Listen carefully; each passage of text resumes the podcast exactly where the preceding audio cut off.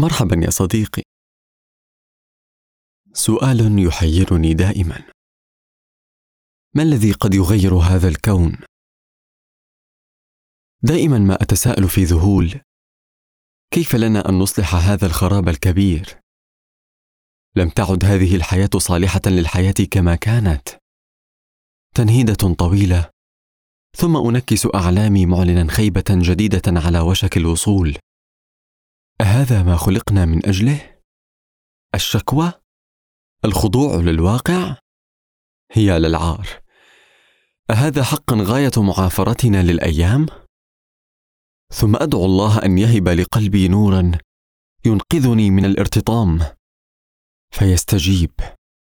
فكيف لي أن أعبر عن شكري لنعم الله التي لا تحصى؟ حسنا يا صديقي. إصلاح هذا الكون ليس بالأمر السهل. ولكنه ليس بالمستحيل أيضا. لماذا لا نبدأ بأنفسنا؟ نعم أنا وأنت هي وهو أولئك والجميع. إنه لأمر سهل نسبيا أن تقول لمن اسدى إليك معروفا شكرا. ومن أخطأت في حقه آسف. ومن ارتدى قميصا جميلا بأنه أنيق. ومن باعك مشروبك الدافئ منذ لحظات بأنه يمتلك ابتسامة جميلة. ولسائق الأجرة تفضل. ولأمك التي تعد لك الطعام بأنه مذاقه طيب.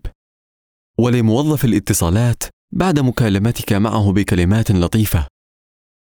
لذاك الطفل الذي يمتلك صوتا جميلا بأنه رائع. أتعلم ما يمكن لكلمة أن تفعل بالإنسان؟ يمكنها أن ترفعه فوق السحاب أو تغرقه في غيابات الجب.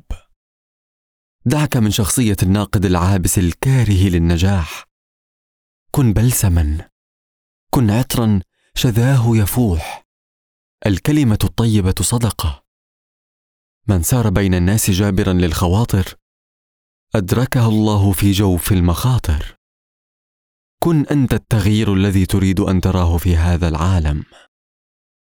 إلى اللقاء يا صديقي.